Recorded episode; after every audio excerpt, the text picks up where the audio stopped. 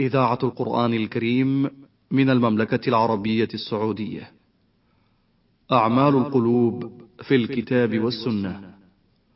برنامج أسبوعي من إعداد وتقديم الدكتور عبد الله ابن وكيل الشيخ تنفيذ عبد الكريم المجحد. بسم الله الرحمن الرحيم. الحمد لله رب العالمين والصلاة والسلام على أشرف الأنبياء والمرسلين نبينا محمد وعلى آله وصحبه أجمعين. أيها الإخوة المستمعون السلام عليكم ورحمة الله وبركاته وبعد. من أشرف أعمال القلوب الإيمان بالله، وذلك يقوم على أركان سبق الحديث عن بعضها، وكلامنا اليوم عن الإيمان بالكتب التي أنزلها الله على رسله. والإيمان بها يعني التصديق الجازم بأنها حق وصدق، وأنها من الله عز وجل فيها الهدى والنور والكفاية لمن أنزلت عليهم. هذه الكتب مع كل رسول أرسله الله إلى الناس، كما قال تعالى: لقد أرسلنا رسلنا بالبينات وأنزلنا معهم الكتاب والميزان. ولكننا لا نعرف كل هذه الكتب سوى ما أخبرنا الله عز وجل به من صحف إبراهيم وموسى والتوراة والإنجيل والزبور والقرآن. لكننا مع عدم معرفتنا بها على سبيل التفصيل يجب علينا الإيمان بها على سبيل الإجمال كما قال تعالى: آمن الرسول بما أنزل إليه من ربه والمؤمنون. كل آمن بالله وملائكته وكتبه ورسله. لا نفرق بين أحد من رسله. وقالوا سمعنا وأطعنا. غفرانك ربنا وإليك المصير.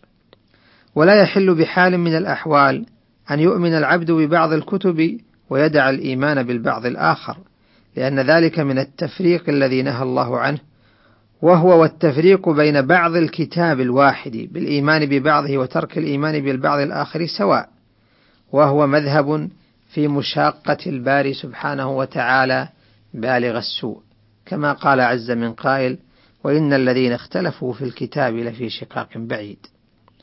ولو تلمس المرء أسباب التفريق بين الكتب أو بين أجزاء الكتاب الواحد لم يجد عند ذلك المفرق سوى أمرين. أولهما الهوى والعناد، فالمتبع لهواه لا يبالي بالحقائق مهما كانت واضحة، ولا يعبأ بالدليل مهما كان نيرا، بل إن هواه يصور له الدليل بصورة تبعد عنه اليقين، ويصور له الشبهة بصورة تغري بالالتزام بها، ويكفي أن متبع الهوى لا يلبث حاله حتى يصير عبدا لهواه أسيرا له منكسرا بين يديه. أفرأيت من اتخذ إلهه هواه؟ والأمر الثاني للتفريق بين الكتب أو بين أجزاء الكتاب الواحد الفرح والتباهي بما عند ذلك الإنسان من علوم عقلية يعتقدها يقينية أو مكتشفات ومخترعات يظن بغير حق أنها تغني عن الوحي فيفتن بها كما فتن الأول بهواه. وهذه العلوم بحسب أحوال البشر على مدار التاريخ فلكل قوم علم يعتقدون أنه يحصل لهم اليقين وهو وهم كاذب عند التحقيق. قال تعالى في وصف هذه الحالة: فلما جاءتهم رسلهم بالبينات فرحوا بما عندهم من العلم وحاق بهم ما كانوا به يستهزئون.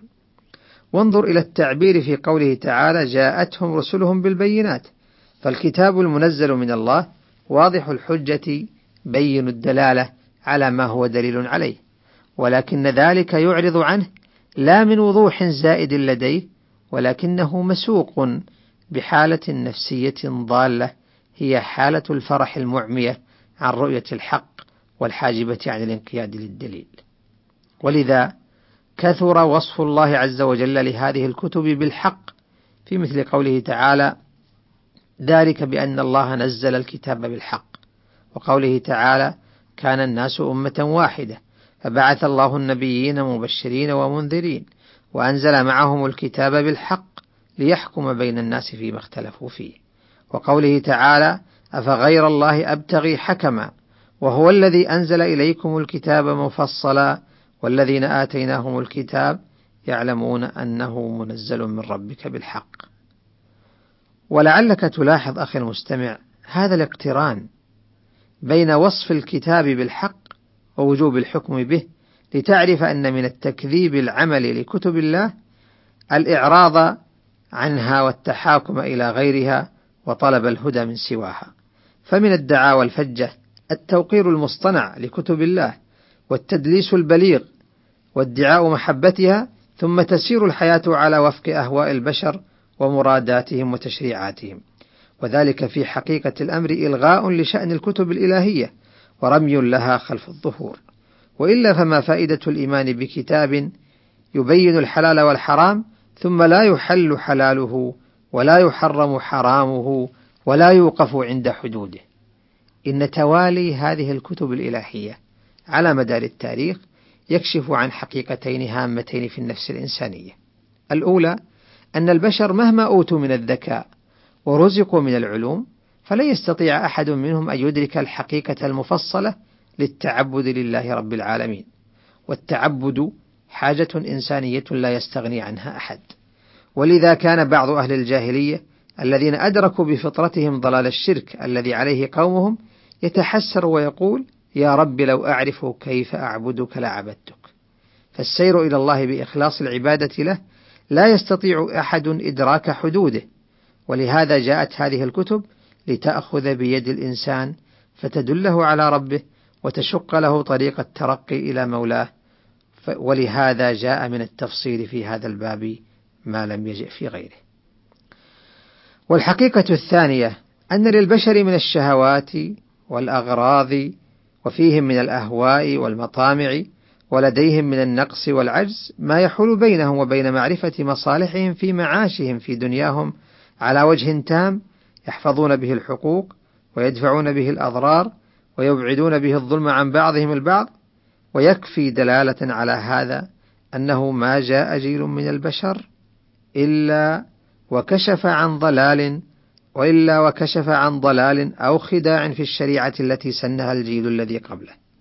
مما يوجد اليقين بأن البشر بمعزل عن هداية الوحي لا يستطيعون معرفة هذا الهدى ولذا احتاج المشرعون في كثير من الأزمان والأمكنة أن يلتقطوا هداية الكتب السماوية وإن كانوا لا يقرون بهذا الأخذ ولا يعترفون بهذا الانتخاب. ثم ختمت هذه الكتب بالقرآن الكريم. الخاتم والمهيمن على تلك الكتب السماوية وللحديث عنه فسحة من القول في الحلقات القادمة إن شاء الله. وإلى ذلك الملتقى. أستودعكم الله. والسلام عليكم ورحمة الله وبركاته. أعمال القلوب في الكتاب والسنة. برنامج أسبوعي من إعداد وتقديم الدكتور عبد الله ابن وكيل الشيخ تنفيذ عبد الكريم المجحد.